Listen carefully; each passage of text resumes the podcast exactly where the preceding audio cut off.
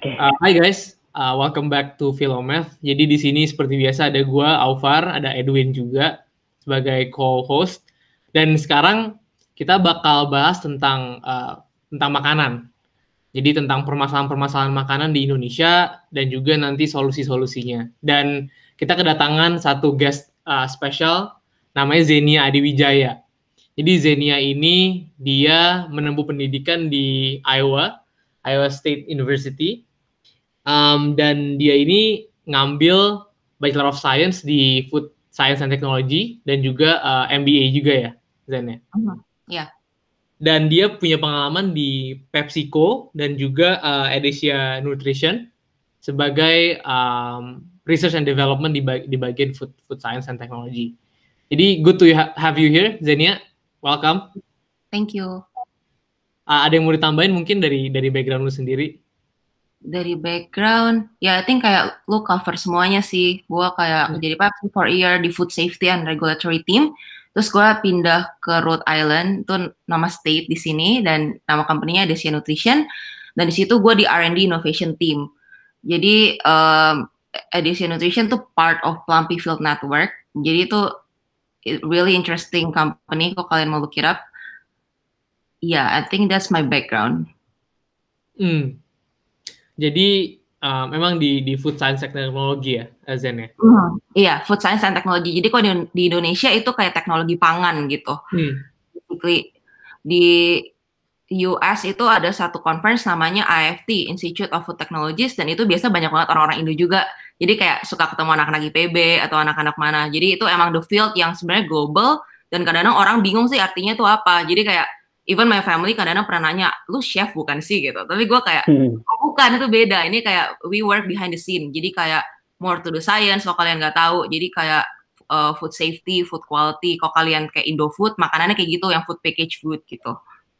Hmm, iya, iya, hmm. iya. Menarik, menarik. Jadi ngomongin um, makanan gitu ya. Yeah. Um, di Indonesia ini kan kita sebagai negara itu ekonominya masih menengah lah ya. Jadi kayak menengah, bahkan bisa dibilang menengah ke bawah dan uh -huh. masih banyak banget ya permasalahan-permasalahan nutrisi. Jadi tadi gue baca juga di di UNICEF bahwa katanya um, tiga dari 10 anak di Indonesia mengalami permasalahan stunting katanya. Jadi stunting uh. itu kayak keadaan tubuhnya nggak nggak optimal, jadi perkembangan otaknya apa namanya terhambat, terus pertumbuhan badannya juga terhambat. Um, dan juga katanya banyak yang kayak uh, ada namanya wasted ya, jadi kayak lack of nutrition gitu. Um, well, yeah, you can go ahead. Um, kalau menurut lu gimana Zen? Kayak permasalahannya gede gak sih di Indonesia ini dan dari sudut pandang lu gimana? Iya, jadi well dari dulu gue emang udah punya passion di food system. Tapi karena gue kerja di company gue sekarang, gue, gue bakal cerita a little bit background ya, kenapa gue actually interested di this field gitu. Jadi di company gue sekarang, gue tuh create namanya RUTF. RUTF tuh Ready to Use Therapeutic Food. Nah, itu tuh kayak emergency peanut based food, high in vitamins and minerals, dan biasa kita kirim, emang ini buat malnourished children all over the world gitu. Our partners sama our clients tuh yang kayak NGOs, yang kayak UNICEF, WHO, sama uh, World Food Program juga. Dan mereka yang milih country-nya. Jadi kebetulan sekarang mereka tuh kirimnya semua ke Afrika dan ke Middle East, tapi mereka nggak pernah kirim ke Indo. Nah itu tuh di hmm. saat gue lumayan mikir juga sebagai orang Indonesia, gue kayak, oh man di Indonesia kayak gimana sih keadaannya? Dan itu bikin gue curious banget. Ternyata di Indonesia emang sangat-sangat tinggi ya. Tadi lu juga udah mention. Sekarang di Indonesia itu menempati urutan kelima stunting di dunia. Dan juga uh, di tahun 2018 emang ada 30,8 persen uh, anak Indonesia stunting di bawah usia 5 tahun dan di tahun 2019 tuh ada 27,7 persen jadi udah lumayan turun tapi still tuh kayak 30 persen dari anak Indonesia loh gitu dan emang itu masalahnya sangat gede karena stunting itu oke okay, jadi di Indonesia tuh ada term namanya triple burden malnutrition jadi triple burden malnutrition tuh terdiri dari undernutrition yang kayak tadi lu bilang stunting sama wasting overnutrition tuh kayak overweight sama obesity sama micronutrients deficiency jadi kadang-kadang orang juga oh, kalau overweight atau obesity juga itu sebenarnya part of malnutrisi gitu. Cuma kita fokus ke stunting karena um, emang itu tiga itu yang paling banyak sekarang di Indonesia. Walaupun masalah-masalah overweight udah ada juga di kota-kota gede sekarang. Nah, stunting itu apa sih? Jadi stunting itu kita ngukurnya berdasarkan standar WHO. Jadi mereka udah punya standar sendiri yang dipakai di dunia. Dan itu uh, ukurnya height, jadi tinggi badan over age, umur. Jadi itu kalau di Indonesia disebutnya kadang orang-orang kerdil gitu. Dan itu beda sama wasting. Jadi kalau kalau wasting itu kalau kalian lihat foto-foto anak-anak kurus di Afrika, nah itu wasting karena mereka ngukurnya weight over height. Uh, kenapa stunting itu lebih sebenarnya lebih kro itu dia lebih sebenarnya lebih kronik karena um, ya, uh, dia itu mempengaruhi perkembangan kapasitas otak anaknya. Jadi setelah seribu hari pertama, seribu hari pertama itu adalah um, saat anak di perut ibu sampai anak usia 2 tahun, itu saat-saat gap yang paling penting buat anak-anak dikasih nutrisi. Jadi setelah dari hari itu lumayan irreversible. Gitu. Jadi lebih kayak ke arah emang perkembangan otak anaknya jadi kayak nggak maksimal dan itu sebenarnya sangat mempengaruhi Indonesia di masa depan Bayangin aja kayak berapa puluh tahun ya sekarang 30% ini tuh bisa maju di Indonesia kayak gimana sih? Gitu kan. Jadi kayak gede banget ya. Masalah dari stunting sebenarnya gede banget dan ini masalahnya sangat-sangat kompleks. Jadi emang semua orang dari berbagai jenis field bisa bantuin, gak harus kayak kedokteran, gak harus kayak food technologies. Ini beneran lu backgroundnya education, lu background finance, you know kayak ini banyak banget field yang emang harus diurusin. Ini the, kayak super huge system gitu. Hmm. Itu sih menurut gue masalah di Indonesia dan it's good ya karena sekarang uh, Jokowi juga udah mention about kayak SDM unggul, kayak su uh, sumber daya manusia unggul. Jadi emang dia udah punya intention dan I know kayak mereka dia juga ngasih anggaran lebih tinggi buat kesehatan tahun ini juga kayak kalau nggak salah 13% dinaikin gitu. Hmm. Jadi emang sebenarnya udah ada orang-orang udah raise awareness about this. Jadi emang uh, a huge problem in Indo dan it's good karena semua orang udah mulai diajak buat aware dan melihat ini sebagai solusi uh, problem yang bisa ditanganin sama banyak pihak gitu. Gitu sih. Iya. Yeah. menarik banget sih karena kan kalau orang-orang kota kayak misalkan gue sama Edwin sama mungkin yeah. juga kita kan nggak ngelihat langsung gitu ya. Maksudnya kita hmm. nggak mm. di sekeliling kita jarang lah yang ada stunting. Tapi ternyata statistik li kayak tiga dari sepuluh tiga puluh persen itu kan banyak banget. Kalau misalkan berapa do, berapa ratus juta ya itu berapa puluh juta gitu kan. Itu itu hmm. udah banyak banget gitu. Dan ini hmm. dia udah bilang juga kayak the, the future of of uh, bangsa ini bahwa anak-anak itu dan tadi menarik banget lu mention jadi jadi emang irreversible dan kayak itu di awal perkembangan anak ya. Jadi exactly. Nah, jadi interesting banget ini emang tugas kita semua ya sebagai anak muda kita emang harus edukasi diri kita sendiri gitu karena kadang-kadang karena kita nggak tahu nih kapan ini windownya yang seribu hari pertama itu orang-orang tuh ngasih solusinya di saat anaknya tuh misalnya udah SD gitu jadi kadang-kadang solusi yang dikasih sama orang tidak eh, tidak menangani di sumber masalahnya langsung. Itu juga kayak another thing yang orang kurang paham dan dia langsung terjun payung aja tanpa mengedukasi dirinya sebelum tahu the whole system gitu. Jadi yes emang benar. Itu kayak sekarang anak-anak well gue anak food science dan gue juga konsult banyak banget sama anak-anak kedokteran di Indo tentang ini. Dan iya seribu hari pertama itu something yang sangat-sangat penting. Tapi kadang-kadang orang miskonsepsi ya, kadang-kadang mereka mikir itu tiga tahun usia anak. Tapi enggak, hmm. itu beneran dari perut ibu udah harus dikasih nutrisi dengan baik gitu. Kalau misalnya seribu seribu hari pertama berarti untuk uh, mereka masih di perut ibunya itu berarti ibunya dong yang kita mesti uh, make sure ya kayak nutrisinya cukup. Terus waktu hmm. bayi juga kan mereka kebanyakan kan minum ASI kan. Berarti ASInya juga mesti dicek tuh kayak ibunya makan apa aja ntar itu kan bakal ngalir ke anaknya ya. Benar, benar, benar. Itu good point. Makanya kadang-kadang um, kalau kayak company gue nih dia ngasih RUTF uh, eh, kayak ready to use food gitu. Emang dia nanganin masalahnya kayak anaknya dikasih makan, tapi kalau kita take a step back, look at the whole system, sebenarnya kita harus mikir juga kan kayak siapa sih key, kayak key stakeholdernya, mamahnya, papahnya, apalagi di Indonesia paternalistiknya lumayan tinggi. Jadi kayak yeah. beneran ini super kompleks dan emang dari berbagai jenis sisi dan kayak misalnya semua orang sekarang ngomong, oke okay, kita harus mulai edukasi ibu-ibu yang bahkan belum jadi ibu gitu, misalnya hmm. teenagers, young moms gitu. Nah itu juga emang sebenarnya kita harus ke arah sana yang kayak ngelihatnya preventatif, nggak kayak ngetrit gitu. Betul. Jadi hmm. iya sih itu sangat interesting juga. Tapi kalau dari sepengetahuan lu Zen itu ya. uh, ibu-ibu terutama yang menengah ke bawah ya kalangan menengah ke bawah yang prone prone to stunting ini itu mereka yeah. udah punya awareness belum sih? Karena kan awareness paling pertama paling penting ya. Kalau mereka aware atas ini baru mereka take action atau prevent, prevent gitu kan sebenarnya. Hmm. Sebenarnya gua kemarin ini uh, lagi ada kayak project itu di Sumba ya. Jadi kayak gua ngobrol-ngobrol sama orang-orang di Sumba gitu.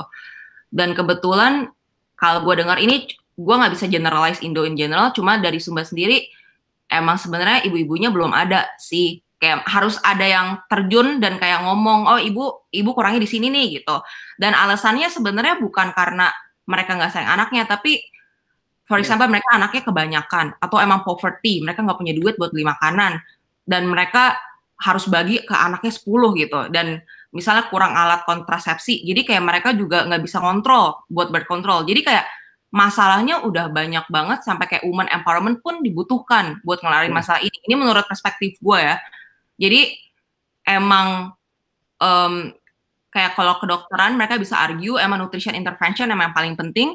Cuma kalau kita mau ngelihatnya ke masa depan ya kita harusnya ngelihatnya kayak the whole system dan gimana cara prevent. Even hmm. dari kayak edukasi ibu, edukasi ayah sih menurut gua karena somehow peran ayah di Indonesia tuh tinggi banget ya.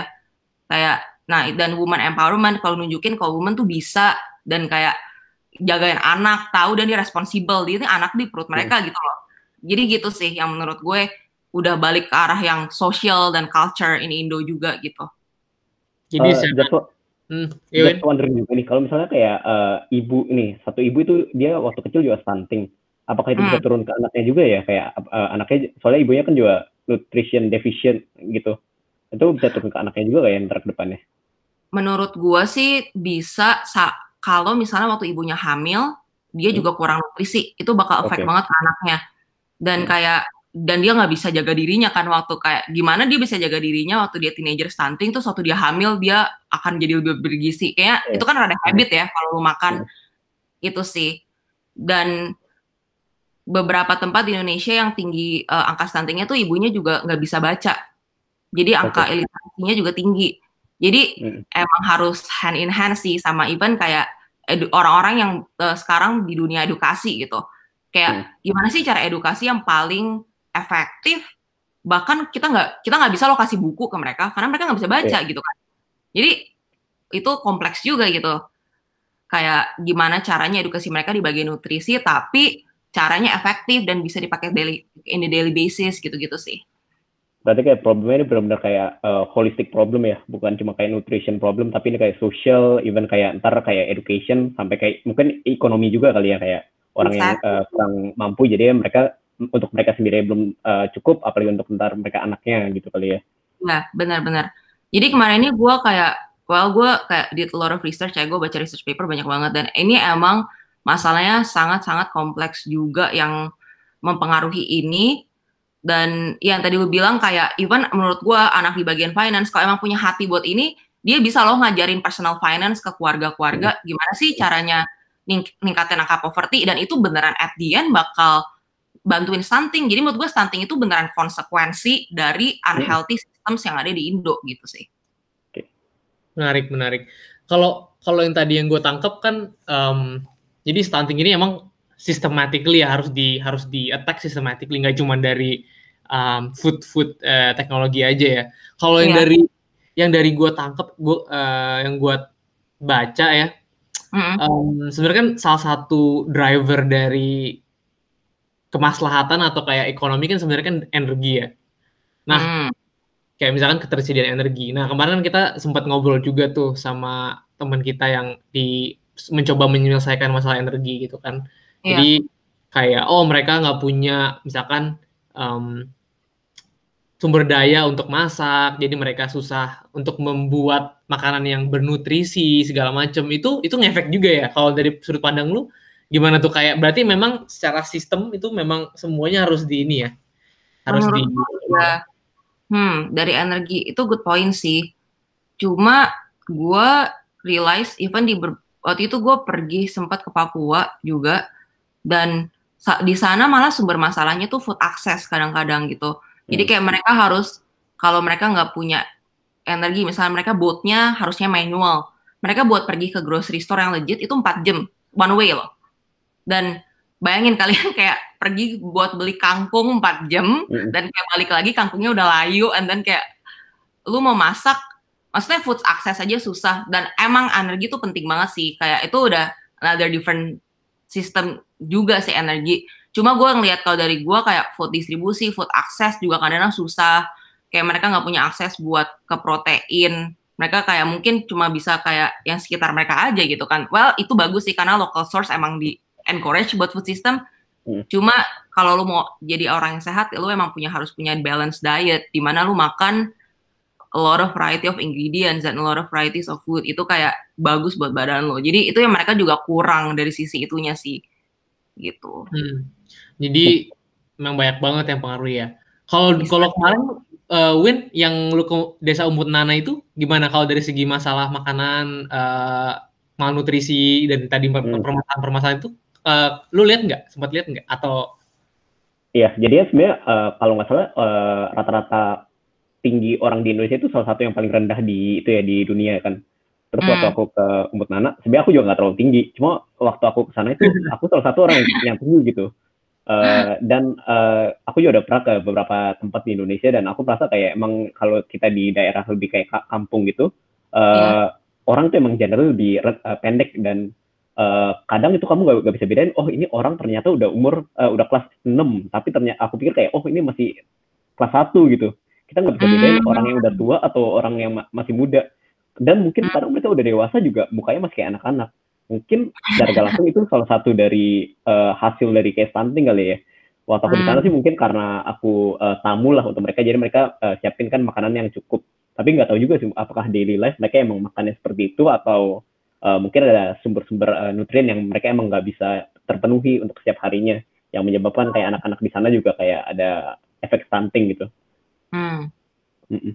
Tapi hmm. kalau misalnya uh, gitu uh, mungkin yang tadi kamu mention kayak RTF itu bisa bisa gak sih kayak break the chain gitu kayak kan ini kan mungkin turun temurun nih dari uh, mungkin kakeknya stunting terus itu membuat kayak uh, uh, dia nggak bisa kerja terus nanti dia jadi uh, kemiskinan masuk ke dalam kemiskinan iya jadi itu kayak uh, apa ya namanya cycle gitu karena hmm. kamu stunting kamu nggak bisa bekerja tapi karena kamu nggak bisa bekerja ntar itu bakal ngefek ke kamu punya ekonomi dan ntar waktu kayak kamu punya anak juga gitu menurut gue gue setuju sih cycle kayak keluarga atau bukan keluarga lah even di daerah ya kalau misal lu hmm. udah biasa ngeliat anak-anak sekitar lu kayak gitu lu nggak realize kalau itu tuh a problem gitu hmm. dan yang tadi lucu aja sih tadi lu mention kayak kayak masalah kayak lu ngeliat anak-anak pendek. Dan yang menurut gue interesting adalah kadang-kadang orang tuh nggak bisa bedain kalau stunting itu adalah masalah malnutrisi. Karena kalau misal orang dikira malnutrisi dia cuma kira anak-anak kurus di Afrika gitu kan.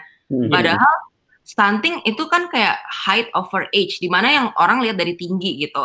Dan dan itu sebenarnya lebih parah yang gue bilang tadi kayak otak yang nggak berkembang. Cuma orang nggak realize kalau itu tuh masalah malnutrisi karena mereka kira oh itu normal mereka gen kayak mereka gemuk kok mereka hmm. berarti banyak isinya gitu jadi hmm. itu something yang orang nggak tahu kalau itu sebenarnya juga masalah malnutrisi loh gitu.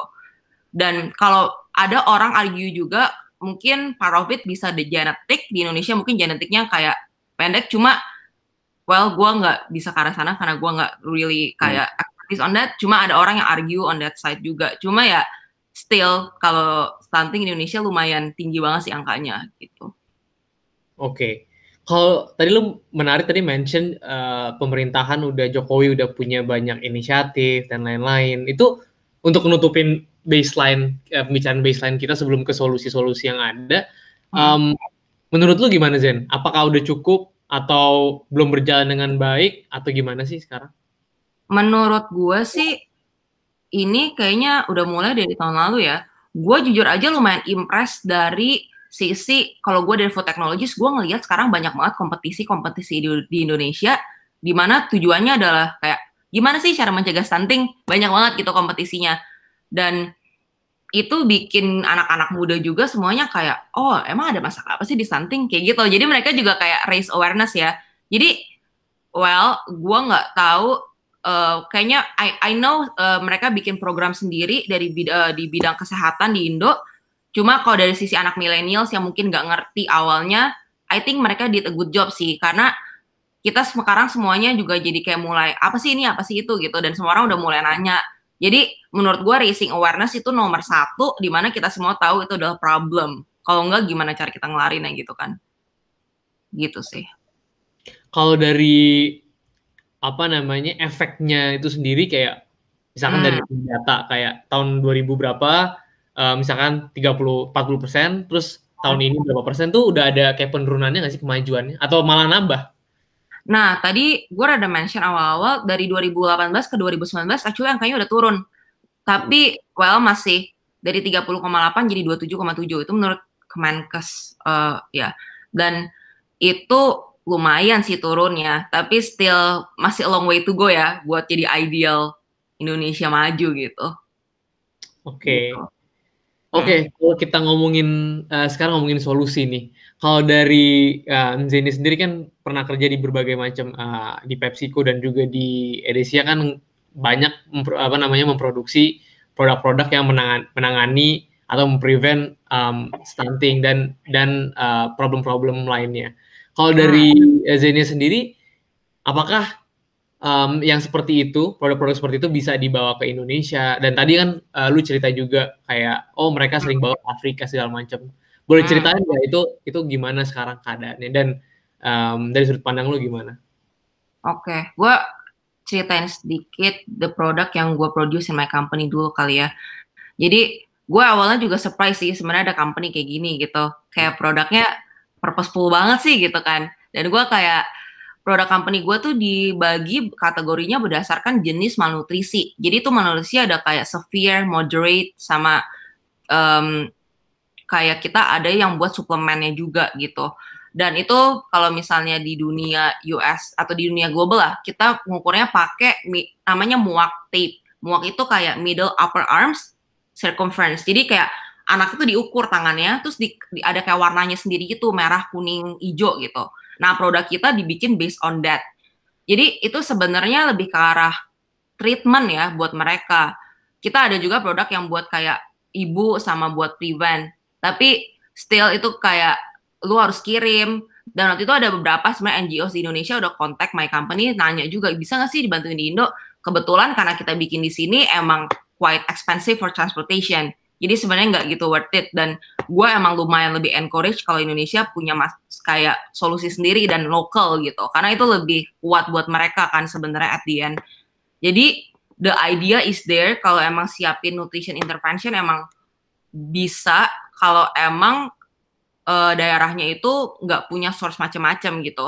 Cuma waktu itu gue juga kayak sempat ngobrol-ngobrol sama a lot of people in my company dan mereka juga mention produk yang kita bikin itu sebenarnya tujuannya ngasih waktu buat adult buat nyelesain masalah. Jadi ini tuh bukan final solution kayak kita malah dikasih waktu nih sekarang anak-anak kayak anak-anak kayak yang yang generation kayak gimana sih cara ngelarin masalah ini. Jadi sebenarnya itu sih yang harus dipikirin. Maybe kita bisa kayak beli waktu tapi at the end itu bukan the final solution gitu buat produk. Um, yes, kalau dari sisi menurut gue makanya kayak again balik lagi ke sisi gimana cara preventnya kalau di Indonesia. Dan salah satu menurut gue kuncinya ya edukasi edukasi dari orang tuanya. Gitu sih yang menurut gue harus ditanganin. Dan dari infrastructure atau kayak the rest of like sistem yang sebenarnya kompleks dan harus dilihat dari berbagai kayak itu harus bareng-bareng. Nggak bisa cuma dari satu field doang kayak food science doang atau nutrisi. Jadi sebenarnya menurut gue kuncinya kayak kolaborasi sih dan juga kayak educate yourself, humble enough buat nanya orang. Karena even gue nih food scientist, gue passion banget about this, gue nggak bisa ngelarin masalah ini sendiri. Gue even harus kayak nanya anak kedokteran, gue harus nanya kayak um, orang-orang yang di field, yang ketemu sama ibu-ibunya tiap hari. Kayak gue harus belajar dari orang lain gitu buat nyelesain masalah ini. Jadi sebenarnya ini beneran a huge kayak collaboration dan kayak harus gotong royong sama semua orang juga gitu. Yeah. Tadi kamu sempat mention buat kayak kita mau beli waktu gitu. Kayak maksudnya mau beli hmm. waktu itu gimana ya? Apakah kayak anak ini setelah makan ini itu bisa ikut growth-nya normal kayak anak-anak yang lain? Atau ini cuma kayak mengejar uh, dikit gitu, tapi tetap aja anak ini bakal kayak uh, ada efek stunting yang ma masih ada sampai di dia dewasa. Sebelum sebelum itu, uh, sorry, uh, Bu, uh, jadi kayak apa sih makanannya? Kayak um, kayak apakah itu kayak bar coklat kah atau kayak kayak um, kayak gimana sih bentukannya biar biar gue kebayang juga. Kalian pernah lihat susu bantal nggak sih di Indonesia? Pernah, pernah, pernah.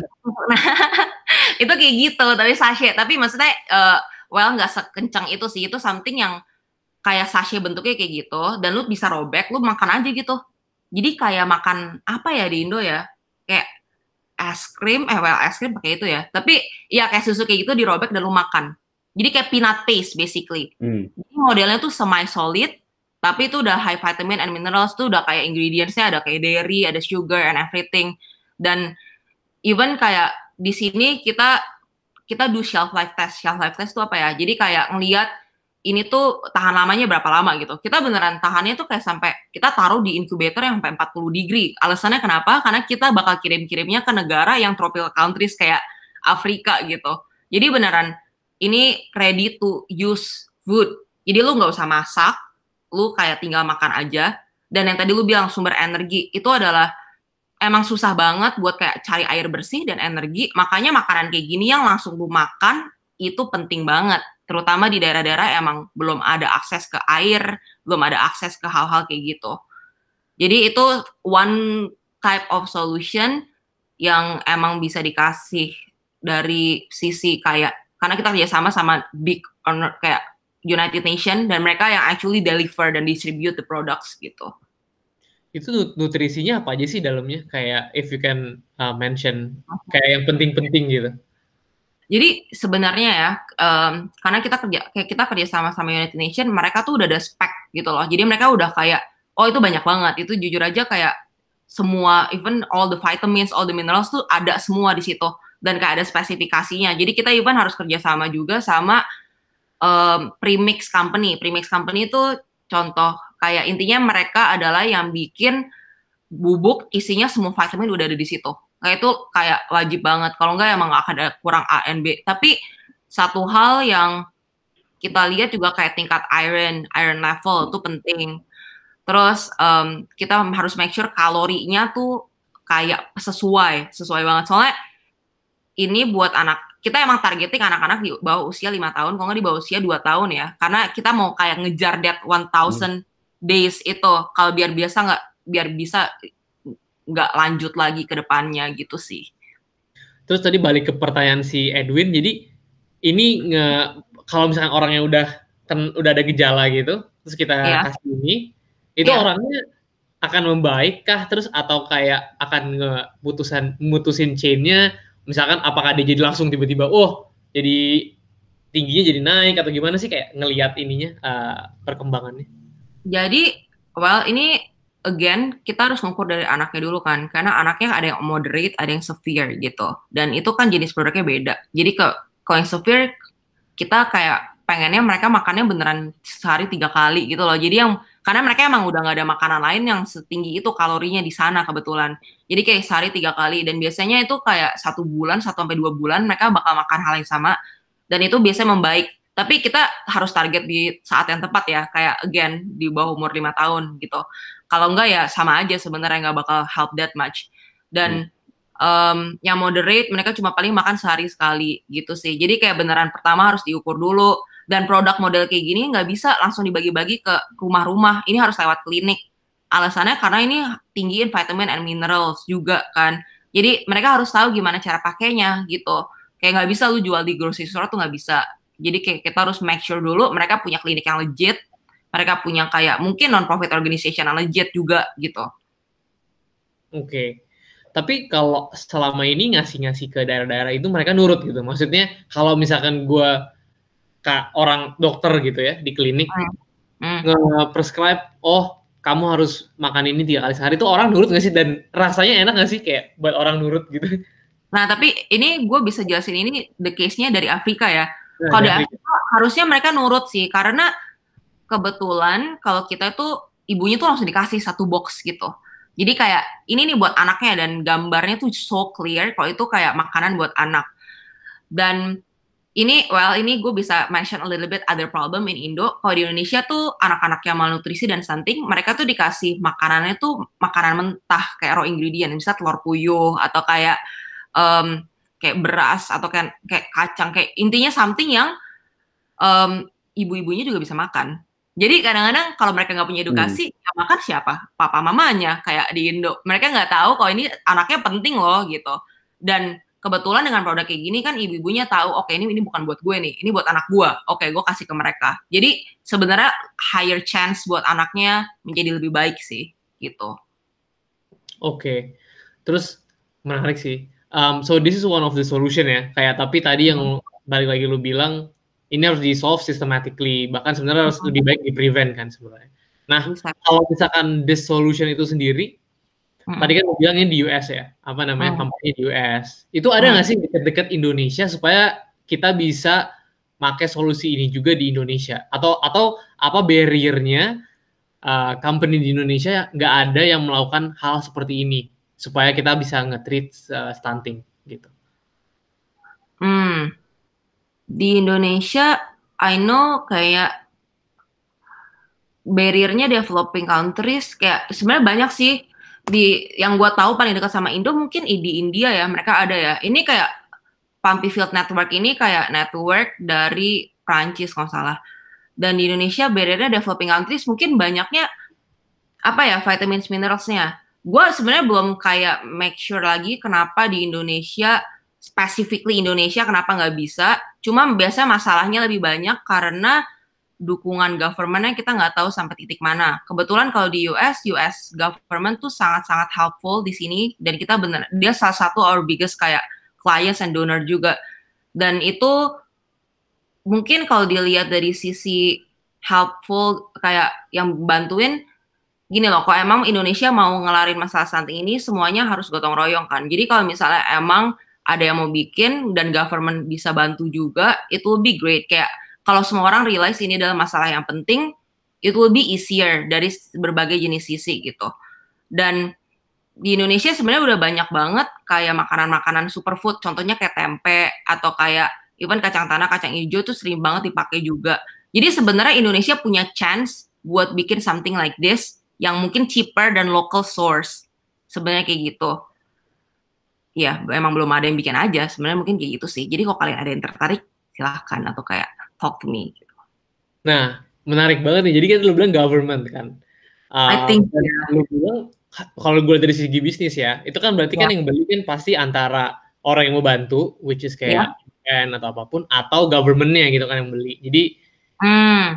Um, mm. ya ya dua itulah kira-kira kalau dari Luin mm. menurut lu kayak kalau kan lu ini bisnis nih apa namanya kalau misalnya orang mau investasi gitu di di kegiatan bisnis seperti ini menurut lu apa yang menyebabkan dia mau masuk dan apa menyebabkan dia nggak mau masuk gitu? Kalau lu jadi investor lu mau nggak sih nge-invest ke ke ke bisnis macam ini gitu? Mungkin kita uh, tergantung ya kalau kita lihat dari sisi investor gitu uh, especially kalau kita treat ini sebagai uh, for profit startup uh, kita mesti ngeliat dulu kan kayak customer dari ini siapa sih sebenarnya yang bayar untuk kayak produk ini? Uh, kalau tadi dari yang kamu mention itu sebenarnya yang bayar ini sebenarnya uh, government kalau nggak dari NGO-NGO kan. Jadi yeah. yang beli itu bukan uh, orang yang makan. Uh, I think that's the challenge sih uh, sekarang. Especially kita kalau misalnya kita mau uh, build this uh, startup, berarti kita mesti secure dulu nih siapa nih yang bakal pay for our product. Uh, saat ini kan kita uh, nyadar kita nggak bisa jual ini misalnya di toko dan kita nggak bisa jual ini kayak uh, bebas gitu karena ini bukan barang yang di, bakal dibeli sama konsumernya itu sendiri. I think that's uh, the one challenge sih yang kayak uh, mengapa mungkin di Indo atau di mana itu perlu ada yang kickstart dulu misalnya kayak ada NGO atau pemerintah uh, finance dulu uh, awal-awal supaya uh, startup startup kayak gini itu bisa grow. I think itu sih kalau aku lihatnya dari sisi uh, bisnis ya. Mm, mm, mm. No, I totally agree sih sama yang tadi lu bilang. Itu juga kayak apakah orang Indo ya punya punya hati enough buat beli makanan buat anak yang di mana MTT yeah. gitu kan. Mm. Ya mungkin aja ada lah yang kayak emang interest in that, tapi buat jadi ini bisnis sustainable emang harus ngelihat mm. apa sih yang bakal sustain this gitu. Kalau just wondering nih kayak uh, berapa sih harganya kayak untuk satu orang gitu atau satu orang untuk sekali makan atau misalnya for the full treatment gitu. Uh, berapa sih costnya untuk satu orang? Ini kalau ini harga US ya mungkin, jadi mungkin hmm. nggak hmm. bisa dikompar. Cuma satu box kita itu yang kayak buat severe, severe tuh meaning kayak sehari tiga kali. Kita satu box itu kayak 50 dolar. 50 dolar itu ber, dan itu ada 50 sachet. Jadi itu satu dolar tuh satu sachet. Berarti hmm. kalau di Indonesia 10 ribu ya, 10 ribuan lah 10 buat satu sachet gitu. Hmm. gitu. Jadi agak lebih mahal ya daripada average average iya. makanan ya. Hmm. Dan ini juga mesti langsung kayak berapa kali gitu ya bosan efektif ya, kayak mesti satu treatment gitu. Iya iya benar hmm. benar benar. Well, gue nggak tahu emang kalau kalian di di Indonesia kalau beli Indomie di pinggir jalan gitu berapa ya? Kayak lima belas ribu. Ya? Iya, dua puluh ribu ada sih. ya. Iya. Well, tapi ini tuh beneran kayak high vitamin dan jujur ya, hmm. menurut gue ini beneran yang kayak ingredientsnya tuh even kalau misalnya gue kemarin corona gue nggak bisa keluar gue sampai mikir apakah gue makan aja ya kayak ini tuh dan high vitamin, high minerals gitu loh kayak beneran it's good for you gitu. Hmm. Tapi aku aku pikiran juga sih kalau misalnya ini kita lagi bencana banjir atau kayak gempa bumi pasti makanan pertama yang kita kirim itu Indomie gitu. Padahal Indomie kan sebenarnya mungkin nutrisinya nggak terlalu bagus gitu. Oh, you're right, you're right. Karena nggak target kayak market-market yang kayak emergency food yang tapi jangan cuma enak atau gampang tapi enak dan bergizi. Jadi kita sekalian membantu masalahnya gitu. Itu yeah. one idea juga sih di di to eat meal.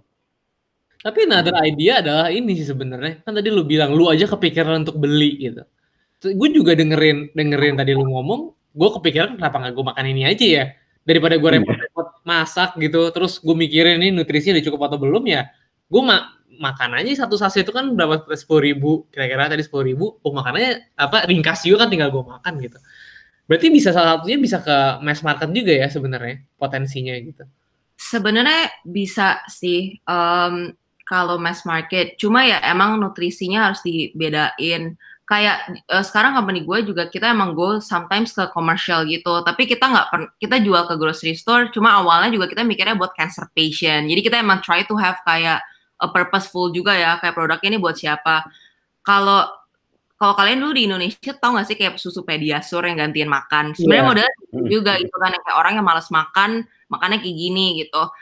Um, iya bisa juga sih ke mass market as long as kayak produknya emang uh, lebih bedanya adalah kalau buat gue food scientist ngelihatnya kalau gue bikin makanan yang kayak buat anak-anak gue nggak harus mikirin flavor that much.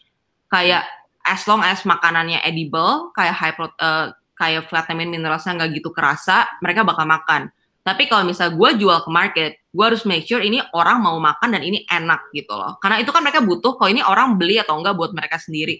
Jadi itu dari sisi food scientistnya emang juga bakal beda ya approach-nya kalau lu mau ke komersial atau lu emang beneran purely humanitarian uh, purpose gitu.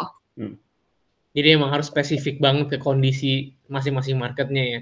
Soalnya tadi gue gue mikir kayak oh mungkin bisa buat bisa buat apa bisa buat astronot gitu kan astronot nggak punya banyak weight kayak yang bisa dibawa hmm. jadi mungkin bisa pakai itu atau misalkan buat orang yang hiking gitu kan dia nggak perlu masak tinggal itu doang itu sih ya iya, iya atau iya, yang kayak, atau orang yang kayak nggak nggak bisa nggak ada waktu untuk kerja uh, makan kerja mulu jadi sampai kerja nah, makan kan sebenarnya bener sih jadi kalau dulu tuh gue suka compare sama kalau di I think in Indo and in US kayak kalau army tuh mereka nama suka punya hmm. makanan namanya RTE yeah, nah itu tuh kayak kayak gitu sih menurut gue I think di Indo di Indo udah ada yang kayak sampai aneh-aneh gitu yang sampai rasa rendang I don't know ya. Kayak itu juga part of kayak mirip-mirip juga cuma itu mungkin mereka lebih high up soalnya waktu gue gue pernah buka gitu satu mereka sampai ada heaternya gitu di dalamnya jadi kayak lu buka ada heaternya gitu dan well kalau itu kan buat negara ya kalau ini kan buat orang yang nggak punya duit jadi kayak hmm. ya lebih kayak ke arah gimana cara dona bantuin sustain aja sih Oke. Okay. Aku pikiran sih kalau misalnya kayak emang udah ada produk seperti ini, mungkin pemerintah itu bisa kasih kayak siapin ke puskesmas, puskesmas gitu. Dan waktu ada anak yang barusan lahir, mungkin langsung sekalian dikasih nih, ini kayak oh ini kayak uh, untuk misal setahun ke depan gitu atau berapa bulan ke depan untuk anak ini kayak makan. Kalau emang udah itu kan itu langsung saya sudah target kan. Kayak uh, nah. mungkin sama kayak di Afrika juga. Sebenarnya di Indonesia tuh udah ada yang mirip-mirip nama MPASI kalau nggak salah. Jadi itu modelnya biskuit tapi mereka hmm. dan uh, itu setahu gue juga dikasih mungkin seminggu sekali gue rada nggak tahu ya. Mereka irregular juga sih sebenarnya dikasih dari puskesmas. Itu menurut kayak anak-anak kedokteran juga. Tapi gue jujur aja gue belum lihat kayak itu nutrisinya kayak enough atau enggak. Dan again kalau tuh enak kayak biskuit gitu, sebenarnya mereka ada yang bilang juga kayak ibunya bisa jual juga dan juga kayak um, ibunya juga bisa makan gitu. Jadi again lu ngasih solusi makanan, edukasi ibunya juga harus di align. Kalau ini tuh buat anak lu, bikin anak lu makin sehat. Kalau enggak, nggak bakal approach the kayak solve the problem anyway gitu. Oke. Okay. Mm -hmm. Menarik sih kayak tadi kita udah bahas kayak oh this is one of the solution potential solution terus tadi lu bilang juga oh tapi ini nggak bisa di solve um, sendirian nih dengan hmm. satu keilmuan aja tapi harus uh, berbagai macam keilmuan harus bekerja secara sistem gitu kan benar-benar hmm. untuk solve this problem. Kalau hmm. kalau lu sendiri gimana uh, Zen? Kan ini your passion gitu. Dan hmm. apakah menurut lu um, ke depannya lu bakal mencoba mensolve masalah ini? Terus kayak gimana kayak kira-kira bisa share nggak? Lu ke depannya gimana sih? Kayak apakah lu bakal pulang ke Indo? Atau misalkan kayak lu bakal gimana? Jadi gimana sih kalau lu sendiri roadmap untuk menyelesaikan masalah ini gitu? Kita pengen pengen denger juga. Well jadi um, sebenarnya tahun lalu tadi gue awal-awal udah mention ya gue pernah ikut kayak conference uh, IFT Institute of Technologies. Gue ikut itu tahun lalu sebenarnya dan gue ketemu orang Indo di sana yang dia juga kayak punya passion sama kayak gue developing solution for developing countries gitu.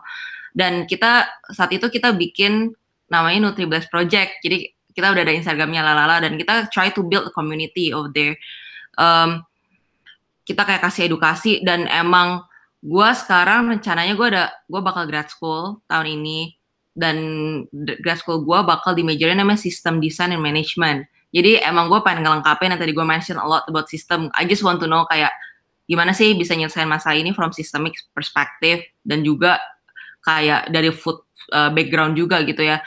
Jadi well hopefully gue bakal balik Indo dan help Indonesia. Gue nggak bisa ngomong kapan. Cuma um, so far gue emang udah kayak banyak ada small projects juga sih buat bantuin Indonesia dari berbagai jenis sisi gitu. Gitu. Oke. Ya, dari gue sih kayak um, good luck for the studies and namanya, hopefully you can come back and really help Indonesia lah. Kayak I, I think uh, apa namanya Indonesia really need someone apa sebenarnya orang-orang yang yang yang bisa membangun negerinya itu juga. Kayak iya. Okay. Kayak interesting aja sih just because kayak I know in even in US gitu banyak banget orang-orang yang punya passion buat bantuin Indo dan kayak it's good buat apa ya dikasih platform juga gitu kan dan juga karena orang juga di sini bingung gimana sih cara bantuin Indo dari sini kayak kita punya passion loh tapi kita masih di sini tapi kita benar benar hmm. bantuin jadi emang banyak well tapi sekarang recently udah banyak banget dan dengan kayak all the technology kita bisa juga inspiring dari sini atau kayak bantu dari sini juga tapi itu menurut gue something yang ya enak aja sih di sini banyak banget orang yang bisa kolaborasi dan diskusi juga gitu. Oke. Apa namanya? Any any kata-kata penutup dari lu Zen kayak mungkin lu mau ngasih awareness atau misalnya lu mau any message from you? Well, buat pendengar apa ya? Paling don't forget to educate yourself. Kalau lu passion about something, kayak go for it, do your homework, do research, dan jangan takut buat collaborate dan be humble buat learn from others. Dan again, any kayak menurut gue, any masalah itu just take a step back, look at the whole system dan jangan kayak cuma approach dari satu sisi doang. Itu sih paling. Oke. Okay. Oke, okay, um, I think kita udah cover banyak banget nih tentang tentang uh, masalah makanan dan juga solusi-solusinya. Um, thank you uh, Zen udah menyempatkan hadir. Mungkin Win ada pertanyaan terakhir atau ada komentar? udah sih cukup sih dari aku. Menurut aku ini menarik banget sih soalnya ini kan uh, itu topik yang rasanya jauh di sana ya. Cuma kayak hmm. itu ternyata itu bakal efek kita juga. Bagaimana kalau misalnya orang-orang Indonesia itu nggak uh, nggak bisa grow uh, sesuai dengan uh, optimumly gitu. Jadi akan tuh bakal efek kayak uh, SDM Indonesia ke depannya dan mungkin efek ke kita juga. I think ya ini uh, problem yang kita benar-benar mesti face dan kita mesti tackle bersama sih. Setuju. Kita harus bareng-bareng buat majuin Indonesia. Hmm. Setuju. Waduh, mantap. Um, Oke, okay, thank you guys. Um, apa namanya? Dan thank you juga yang udah dengerin. Um, nanti kalau misalkan pendengar ada kayak topik yang topik menarik yang mau kita bahas nanti bisa langsung ngomong ke gua atau Edwin. Um, so thank you uh, Zenia uh, for um, mau join di diskusi ini. Um, so yeah, um, thank you guys. Thank you for having me guys. Thank you Zen. Thank you guys.